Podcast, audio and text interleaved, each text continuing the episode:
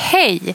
Vi gör ett litet avbrott i Skolprats tema kring MPF och ADHD för att lyssna på ett samtal som vi spelade in i mars med eh, Peter Fredriksson som är Skolverkets generaldirektör. När det här samtalet spelades in, då visste vi ju inte, i alla fall inte jag och Niklas, att Peter Fredriksson lämnar Skolverket. Han är fortfarande generaldirektör året ut och i det här samtalet så pratar vi om pandemins eh, konsekvenser för skolväsendet. Härlig lyssning! Det är ju det bästa stödet man kan ge alla elever att ha en sån kultur. Men ibland tycker jag själv att man tappar bort det där mest basala.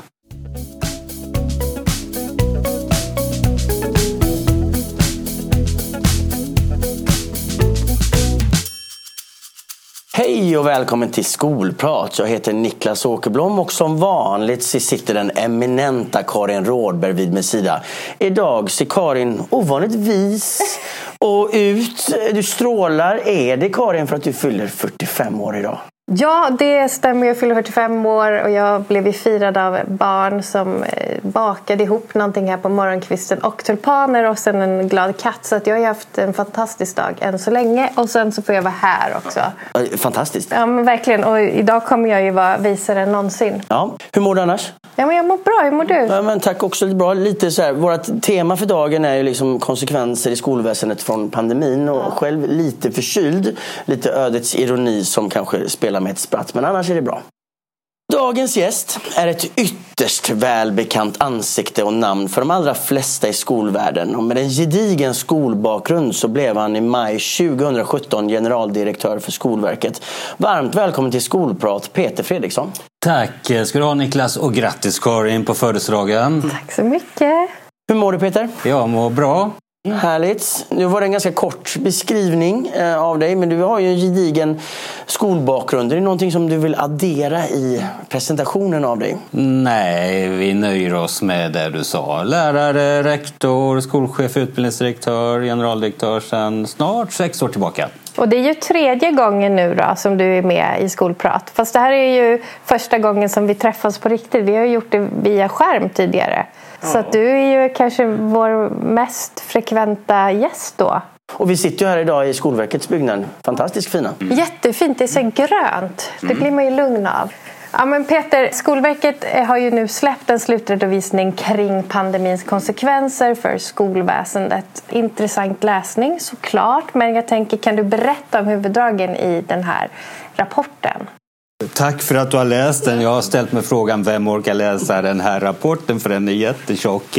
Men det var kul Karin att höra att du har läst den. Kanske du också Niklas? Jajamän. Eh, det här är ju en sammanställning tror jag att vi kan säga av eh, väldigt mycket som Skolverket gjorde under pandemin. Mm. Vi hade ju många uppföljningar av olika slag. Enkäter, djupintervjuer, vi följde upp i vilken utsträckning eleverna fick undervisning. Vi följde upp hur pandemin påverkade elever, hur påverkade lärare.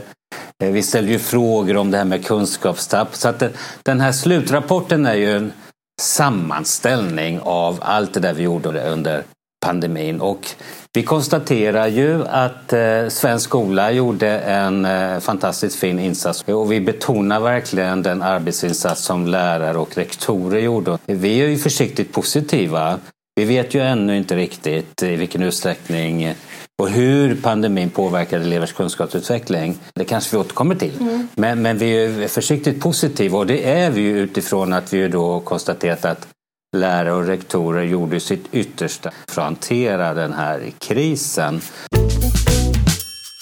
En annan sak som framkommer är ju att många av de här problemen som vi kunde se under pandemin är ju också problem som vi ser i vanliga fall. Det där känner ju ni väl till, att förutsättningarna ser olika ut. Tillgången på ledarskap, till välfungerande organisationer, utbildade lärare. Det, det varierar. Det gör det i vanliga fall och då påverkar det kvaliteten. Och så var det naturligtvis också under pandemin. Elever har i vanliga fall svårt att eh, få ordning på skolgången. Och det kunde vi också se i pandemin. Så att vad jag försöker säga nu är ju då att någonting som vi återkommer till i den här rapporten är ju att Många av de svårigheter vi såg att skolan behövde hantera under pandemin är svårigheter som man också har att hantera i vanliga fall kopplat till bristande likvärdighet och eh, skolors olika liksom, sammanhang och kontext. Sen konstaterar vi att eleverna då i väldigt hög utsträckning fick undervisning, också på gymnasiet. Ni vet att där ställde man om. Eh, det var under långa perioder eh, distansundervisning, men de fick sin undervisning. Och grundskolan, lite variation där. Och de senare åren eh, en del inslag av distansundervisning. Eh, men de fick undervisning. Det var väldigt lite undervisningstid som gick förlorad. Det betyder ju inte att det var samma höga kvalitet under pandemin som i vanliga fall.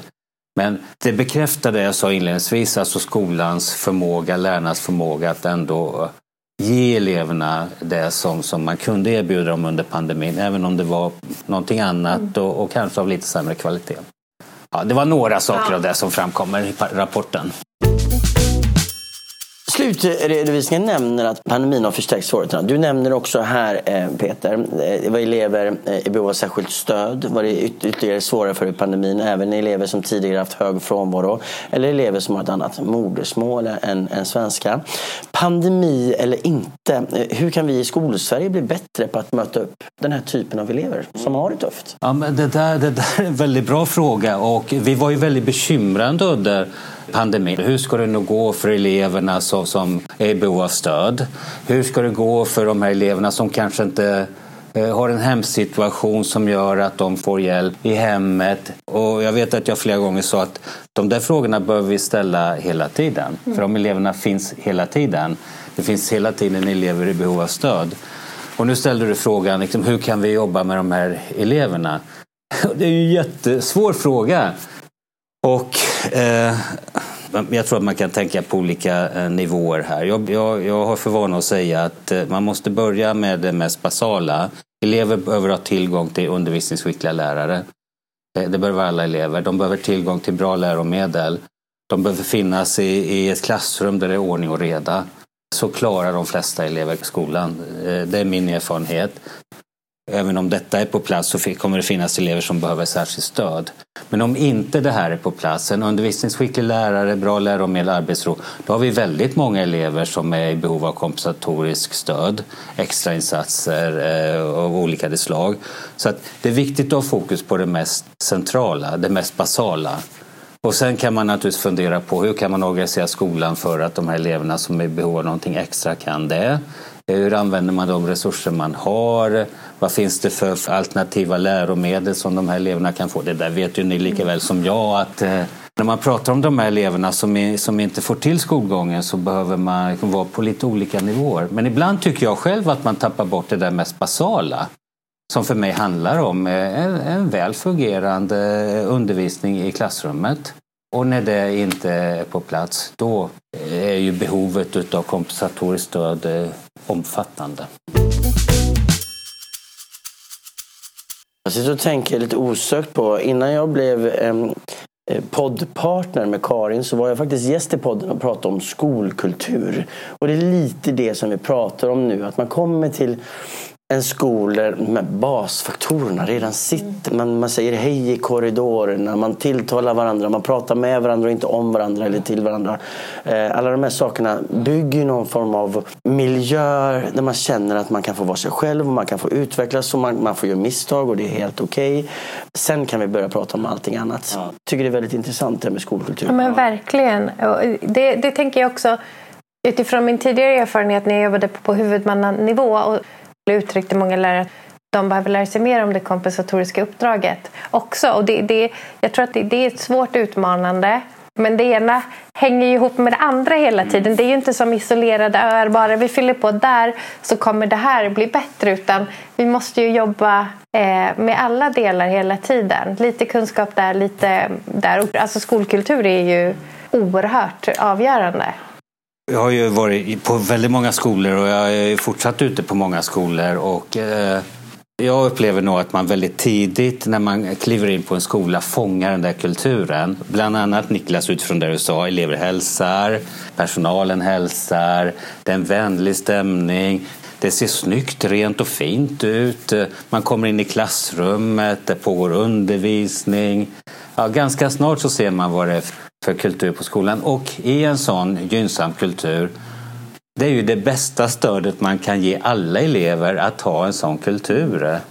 Och då är ju det kopplat till att man förmodligen har en bra ledare. Det är en bra rektor som kan organisera skolan, skapa förutsättningar för lärare att göra sitt jobb. Man kanske har jobbat med att utveckla elevrollen.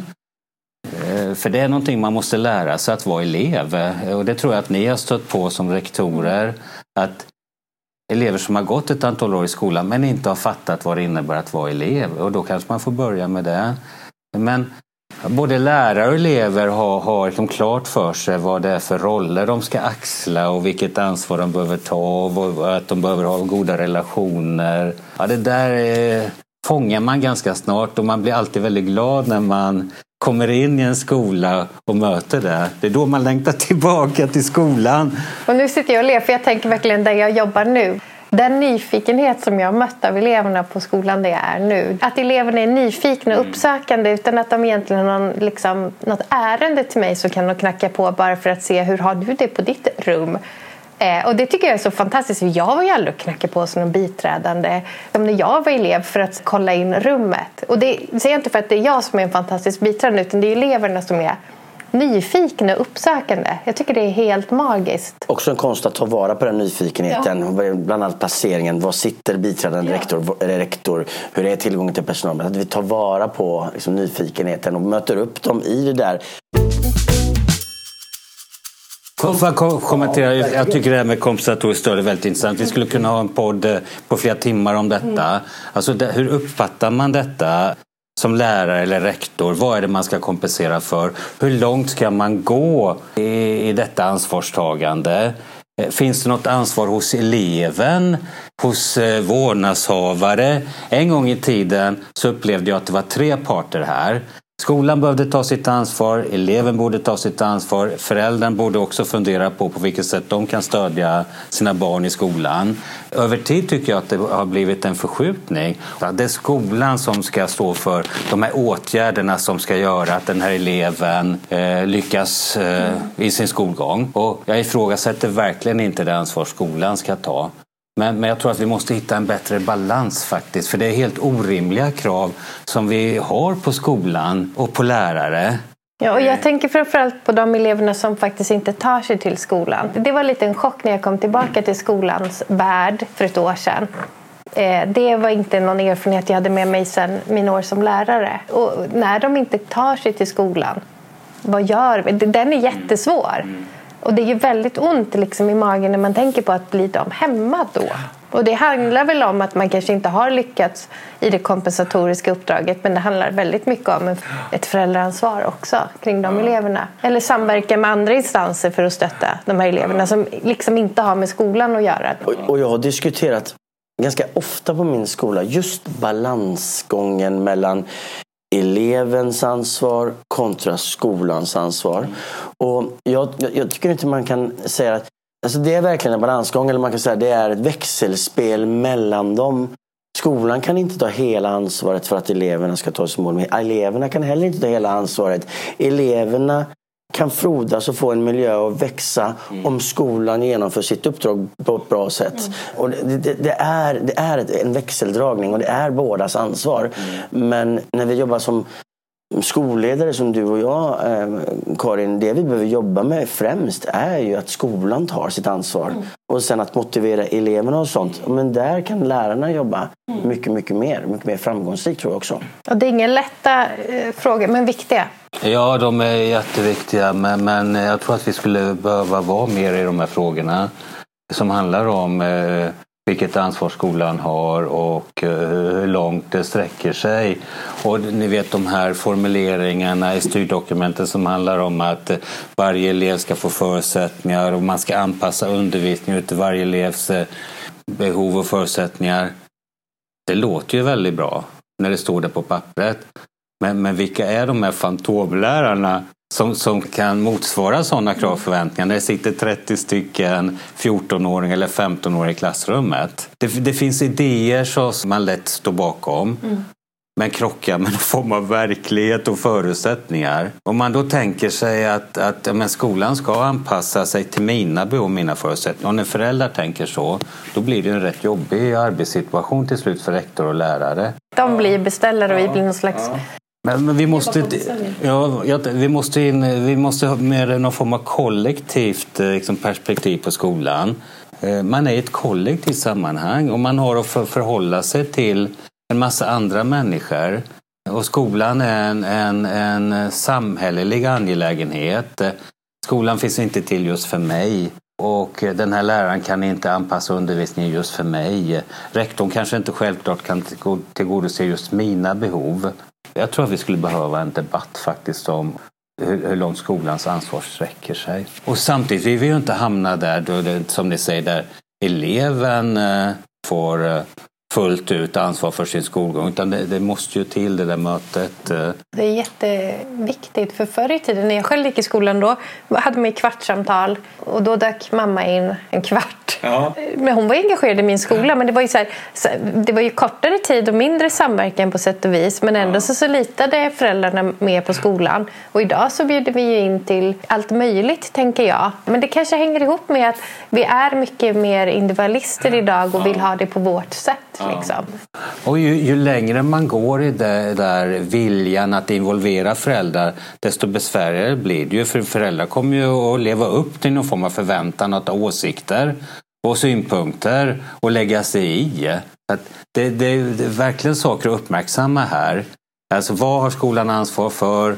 Hur långt ska man sträcka sig när det gäller föräldrars eh, inflytande, delaktighet? Och samtidigt tror jag så här, som en liten kontrast till det vi säger kanske, så på, jag lever under devisen att alla människor vill lyckas. Mm. Alla barn som går i våra skolor, varenda en som går runt om våra skolor i Sverige, vill lyckas. Det finns ingen som vill komma hem och säga att man fick F på ett prov eller att man blev utslängd från en lektion. Det är ett misslyckande för det här barnet. Och om man utgår från att alla barn som sitter i våra klassrum vill lyckas. Nu ska jag försöka att göra ett så bra miljö för kollektivet och för individerna här inne. Då kommer man nå väldigt, väldigt långt tror jag. Ja, den grundidén hoppas jag alla våra skolpersonal i Sverige sitter med. Det är helt rätt Niklas. Jag har aldrig träffat en elev som inte vill vara en bra elev och inte vill lyckas. Jag har aldrig, heller aldrig träffat en förälder som inte vill vara en bra förälder. Och vet ni, jag har aldrig träffat en lärare som inte vill vara en bra lärare. Och då handlar det om vad ger vi då elever, föräldrar, lärare för förutsättningar att vara bra och lyckas?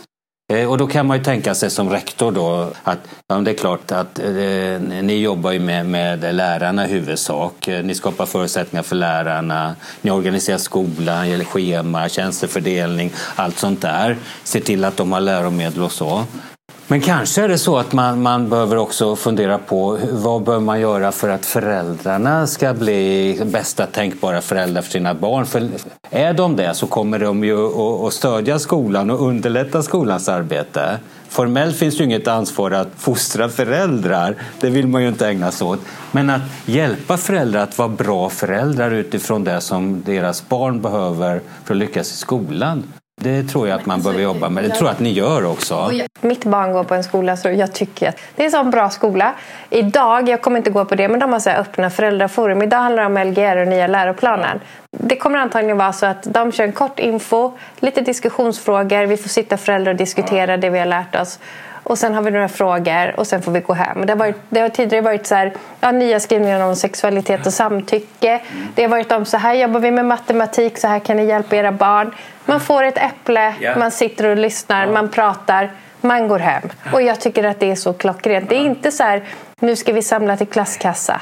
Utan det är så här, det, det lär ju oss att vara bra föräldrar. Och jag vet andra föräldrar som inte jobbar inom skola, de är ju så här, wow, de lär sig. Om, det, det, det, är så bra. Jag tror, jag tror vi pratar om fostra föräldrar, men vi pratar också om en organisation av skolan där föräldrar vet var kan jag påverka vilka saker. Kan jag skicka de här affektmailen när jag är lite irriterad på skolan? Eller vet jag om att det faktiskt finns en diskussion för mig att ta någon annanstans? När kan vara med och påverka vilka saker. Och där tror jag vi kan bli bättre som skola. Att få föräldrarna att förstå att ni är väldigt välkomna på det här föräldrafikat eller eh, vårdnadshavarrådet eller vad man nu kallar det. Men visst finns det föräldrar som är som de här eleverna. Ni har varit lärare båda två, eller hur? Mm. Då har ju ni säkert stött på de här eleverna som testar gränserna hela tiden. Och när läraren inte säger nej, så tar ju här, eleven det här ett steg vidare. Och det där blir ju inte bra då. Nej. Och jag brukar tänka att det finns föräldrar som testar samma sak gentemot skolan. De ser hur långt de kan gå. Och när de inte möter mot något motstånd, när de inte möter en rektor som säger vänta här nu, nu har du passerat en gräns här. Det här är vårt ansvar, det där är ditt ansvar. Då testar de igen. Och så får man eh, till slut både elever och föräldrar som är väldigt jobbiga att hantera. Sen finns naturligtvis, det spelar ingen roll vad man gör, så kommer det finnas en och annan som är jobbig att hantera. Men, men eh, det är väldigt viktigt att skolan markerar liksom det ansvar man har, den kunskap man har. För vad du säger här Karin är ju att din skola som ditt barn går på den skolan förmedlar ju kunskap till föräldrarna om vad skolans ansvar är. Och det där är ju svårt och komplicerat. Och de föräldrarna går förmodligen hem och tänker oj, shit, det är det här som lärare och rektorer jobbar med och det har vi respekt för. Ja, lite respekt här. Ja. Era synpunkter är viktiga för oss, men här är det vi som bestämmer. Men nu går vi tillbaka till rapporten, tänker jag. En liten utsvängning. Det är härligt att kunna göra det. Eh, I rapporten så står det ju att flera länder har identifierat betydande kunskapstapp under pandemin. Och i Sverige var ju ett av de länderna där grundskolan höll öppet till största del. Eh, och då tänker vi så här, varför har det inte skrivits mer positivt om Sveriges ganska unika hållning? För den borde ju, mm. tänker man, ha haft en positiv effekt på elevernas kunskaper eftersom de har varit mer i skolan än i andra länder. Men varför lyfts inte det här positiva upp? Det är en spekulation, men vad ja. tänker du? Nej men det är ju sant, men jag tror att det är alltså, någon form av massmedial logik här. Det är ju inte bara när vi pratar om skolan som man tenderar att lyfta det som är dåligt och det som inte fungerar utan det gäller väl också andra sektorer av samhället.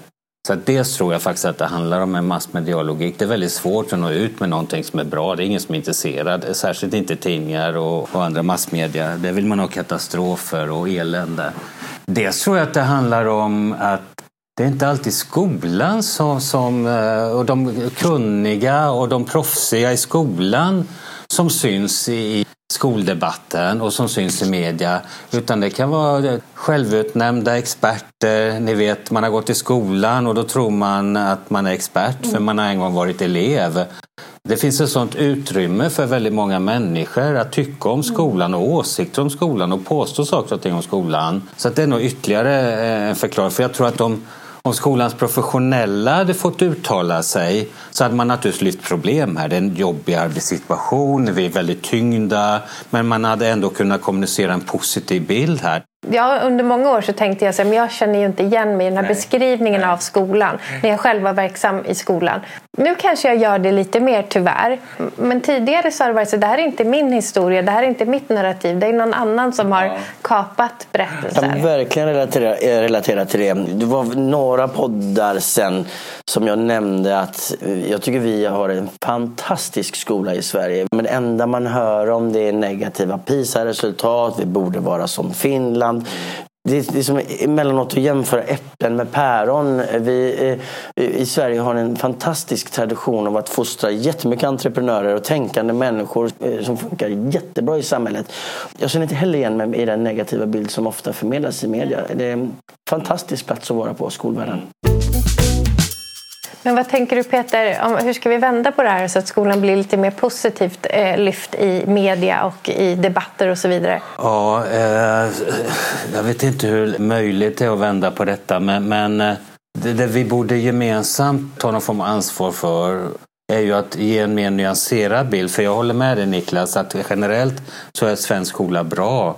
Och elever som har gått i svensk eh, skola under sin skoltid, som har vuxit upp i Sverige, de lyckas bra. Sen finns det elever som inte lyckas så bra. Inte sällan eh, kan det vara så att de har kommit sent in i skolan. Så det gäller att ge en mer nyanserad bild.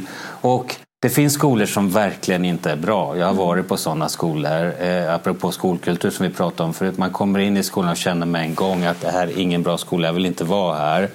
Men det är ju inte de skolorna som definierar skolan i Sverige utan Det borde vara de här andra skolorna, de väldigt många skolorna som faktiskt är bra. Av någon konstig anledning så är det så att det där som inte fungerar sätter bilden. Så blir det någon generell sanning. Det är kaos i svensk skola. Alltså, de här avvikelserna får, får sätta bilden. Och jag vet inte hur vi ska komma bort ifrån men jag tänker det finns ju vissa lärare som är väldigt frekventa som kanske skriver krönikor, mm.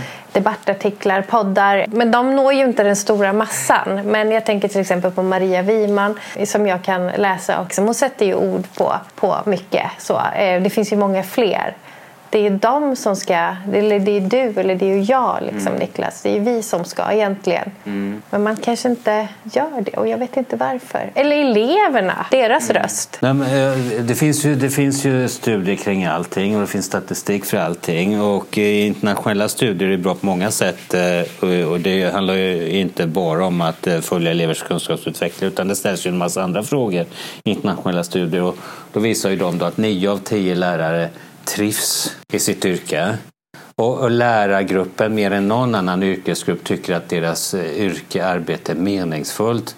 Det är helt magiskt. Nio av tio tycker att det är fantastiskt fint att få jobba med, med unga människor och deras lärandeutveckling. Och det finns inget mer meningsfullt jobb än läraryrket. När ser vi den bilden eh, i, i media utan då är det snarare då att det, är så himla jobbigt ja. eller det är så tungt och det är så svårt och, och, och man blir utsatt för en det ena och en det andra. Eh, det händer ju. Och det ska man ju naturligtvis inte acceptera. Det är helt oacceptabelt att lärare blir utsatta för våld eller inte får förutsättningar av sitt jobb. Men det, det är ju inte den sanna bilden, det är en bild.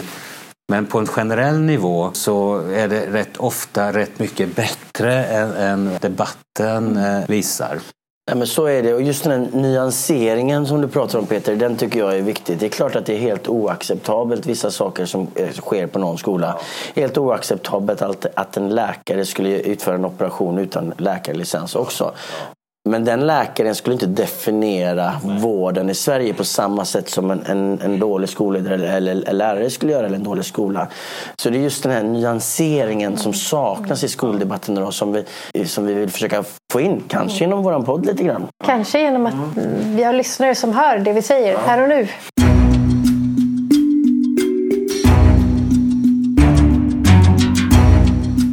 Peter, vi har kommit till eh, programpunkten som heter Karins kritiska kommentar eller Niklas nitiska blick och idag är det min tur.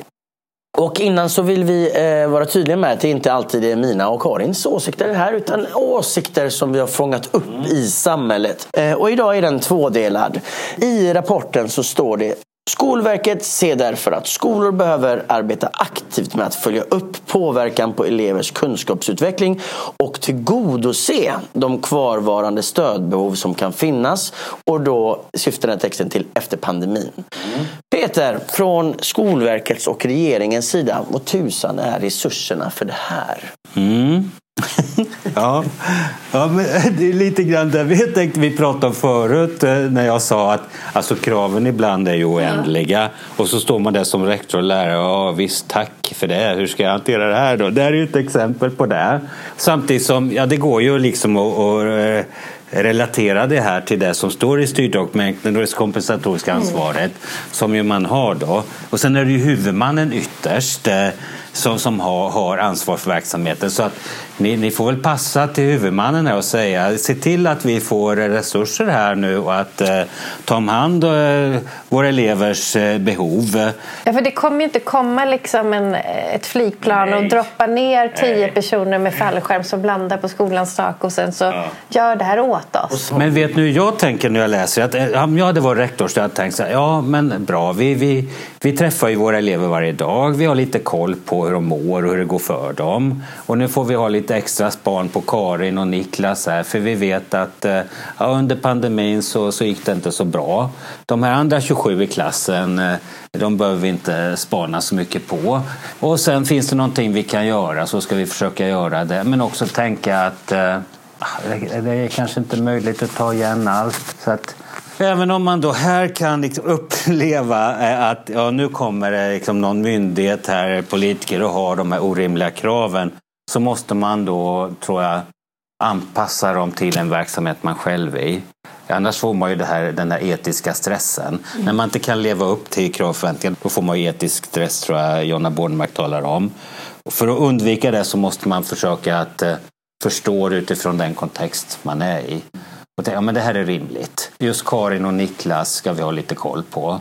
Och de kan behöva lite extra klappar här och, och att vi, lite en extra läxa här eller vad det nu kan vara. Men om Niklas inte fixar matten då kommer inte han in på gymnasiet och så tror jag många lärare ja, tänker. Att det är det här men vi vill ju inte sätta stopp för Niklas för att om det hade varit som vanligt och det inte hade varit en pandemi då hade ju Niklas säkert nått E. Men nu så blev det så att det blev ett F och ha tråkigt för Niklas, då, då blir det ingen gymnasium. Alltså, det är nog den som jag tror eller vad säger du Niklas? Är det inte den som är stressen? Jo, men det är stressen och jag tror också den här dubbla smällen att det blev eh, kriget Ryssland-Ukraina sen och inflationen och eh, nu när vi ska se till att vi ska täppa upp kunskapsluckorna som finns i samhället.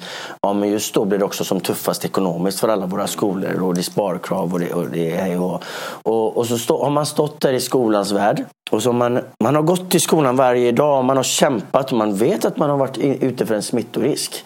Och när pandemin är över så kommer det sparkrav och sen så kommer också, nej men nu ska vi också täppa till de här luckorna som finns. Jag tror så här att många i skolvärlden tänker, när får vi skörda frukten för vårt slit? Så. Mm.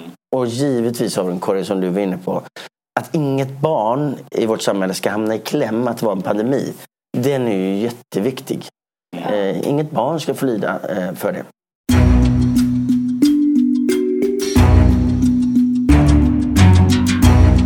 Lite inne på den andra delen verkligen här nu. Alla de här skickliga medarbetarna som finns runt om på alla våra skolor i landet. De har verkligen varit där i, i, i en stor smittorisk på skolan. Och de, det är många som verkligen har kämpat sig det. Man har varit rädd när man har gått till skolan. Tror jag, så här. Hur kan man kompensera de här, alla de här fantastiska lärarna för deras bedrift under pandemin? Har ni några tankar på det från ert håll? Nej, Alltså som arbetsgivare kan man ju välja att kompensera då genom eh, ja, litet lönelyft eller middag eller, eller lite party, eh, fin julklapp. Eh. Det tror jag många uppskattar. Sen tror jag faktiskt att, att de allra flesta lärare de, de behöver få höra att de har gjort ett fantastiskt fint arbete. Mm. Och det bör man få höra från många håll och kanter. Mm. Jag tror att när man är som jag då, jättegammal Eh, nu känner jag ju rätt bra, men, men eh, jag blir väldigt glad när någon säger något positivt om något som jag har gjort. Det spelar liksom ingen roll vad jag kommer på om jag är 61 år eller om jag är 7 år eller när jag var 20 år. Man är fortfarande liksom den här människan som mår bra av att få, få höra någonting snällt, eh, någonting positivt. Och Apropå då att lärare och svensk skola så ofta, som vi pratade om förut, får kritik och man är ifrågasatt och en massa experter vet så mycket bättre. Så i ett sånt här läge bör man ju verkligen tänka på att boosta varandra och lyfta varandra och eh, ja, tala om vilket fantastiskt arbete som, som man har gjort. Från Skolverket kan vi ju inte, jag skulle gärna skicka ut bonusar till lärare och så här. Det, det, kan vi ju inte göra, det kommer inte politiken heller att göra. Men jag tycker ändå att vi från Skolverkets sida faktiskt under hela pandemin har, har lyft vilket jäkla fint arbete svensk skola har gjort. Alltså, jag kan inte säga att jag var förvånad för jag vet vad svensk skola kan. Alltså, jag, jag, utifrån de utmaningar som var, den situation som var och utifrån ett internationellt eh, perspektiv så ska man nog inte vara förvånad men ändå uppmärksamma vilken fantastisk insats skolan gjorde. Eh, och få någon form av cred för det. Och det tycker jag att vi har försökt i orden att uttrycka.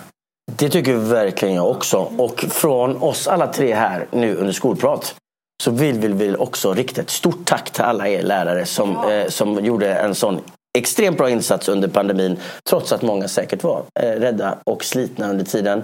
Ni gjorde ett fantastiskt jobb. Nu är det dags att avsluta och vi brukar avsluta med att vår gäst ger tre tips till våra lyssnare. Men det kanske är svårt liksom att ge tre tips relaterade till den här rapporten. Den blir ju lite skev. Mm. Men något medskick till våra lyssnare rent generellt utifrån pandemin som vi har pratat om eller det här andra som vi har pratat om, om skolans ledarskap, mm. skolkultur. Vi har rört oss i många olika ja, vi, områden. Ja, men en, en sak, eh, och det var vi ju inne på alldeles nyligen, då, detta att Man får ha rimliga krav och förväntningar på sig själv. Även om det står i skollagen saker och ting som man kan uppfatta det här är helt orimligt så måste man som professionell se vad är det jag kan ta ansvar för. Och nu när vi pratar om pandemin och pandemins effekter och vi pratar om att ja, nu måste ni ha koll på eleverna så måste ni ge eleverna stöd där så att de tar igen sånt som har förlorat. Då måste man nog ha i minnet att allt är inte möjligt att reparera. Alltså, hela samhället påverkas av pandemin.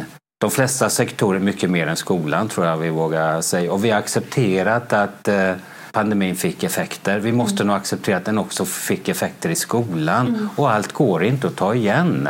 Utan man får nöja sig med att eh, om möjligt ta igen det som man ser som absolut nödvändigt. Eh, så det, det, det tror jag är liksom en rimlig hållning att ha. Man kan inte som lärare reparera allt som gick förlorat under pandemin. För då ställer man krav på sig själv som man kanske i slutändan inte kan leva upp till och då brukar det inte bli bra. Sen tycker jag ju att det är bra om man faktiskt sträcker på sig och tänker jäklar. Tänk att jag var lärare under pandemin och tillsammans med mina kollegor så fixar vi det här. Det bör man också komma ihåg. Det är ju under en kris som, som man verkligen behöver visa sin kompetens. Det är inte så svårt när allting rullar på. Då följer man planer och man följer strukturer och man gör som man brukar göra. Under en sån här kris, när allting ställs på ända, då måste man verkligen visa sin kompetens och sin förmåga att hantera någonting oväntat, någonting helt nytt. Och det var ju det man gjorde. Det tycker jag man kan ha i minnet. Och sen bör man väl också Ja, jag hoppas verkligen att vi fortsatt är upptagna av det där som, som ju inte är bra. Sen, sen ska vi prata om det där som är bra också. Men de här skolorna som har taskiga förutsättningar. Elever så, som, som inte lyckas. Eh, man har inte resurser. Man har inte det där basala som vi pratade om inledningsvis. finns inte lärare, finns inte läromedel, dålig skolkultur. Det som vi var så oroade över eh, under pandemin. Det hoppas jag också att vi minns. Tusen tack Peter. Och eh, ska vi ge lite beröm här också nu så Peter får känna. Vi kan inte ge dig pengar, vi ger dig beröm. Tack så jättemycket ja, för att du tog dig tid. Det var ett jättetrevligt ja. samtal. Verkligen stort tack Peter. Verkligen. Tack ska ni ha. Tack. tack.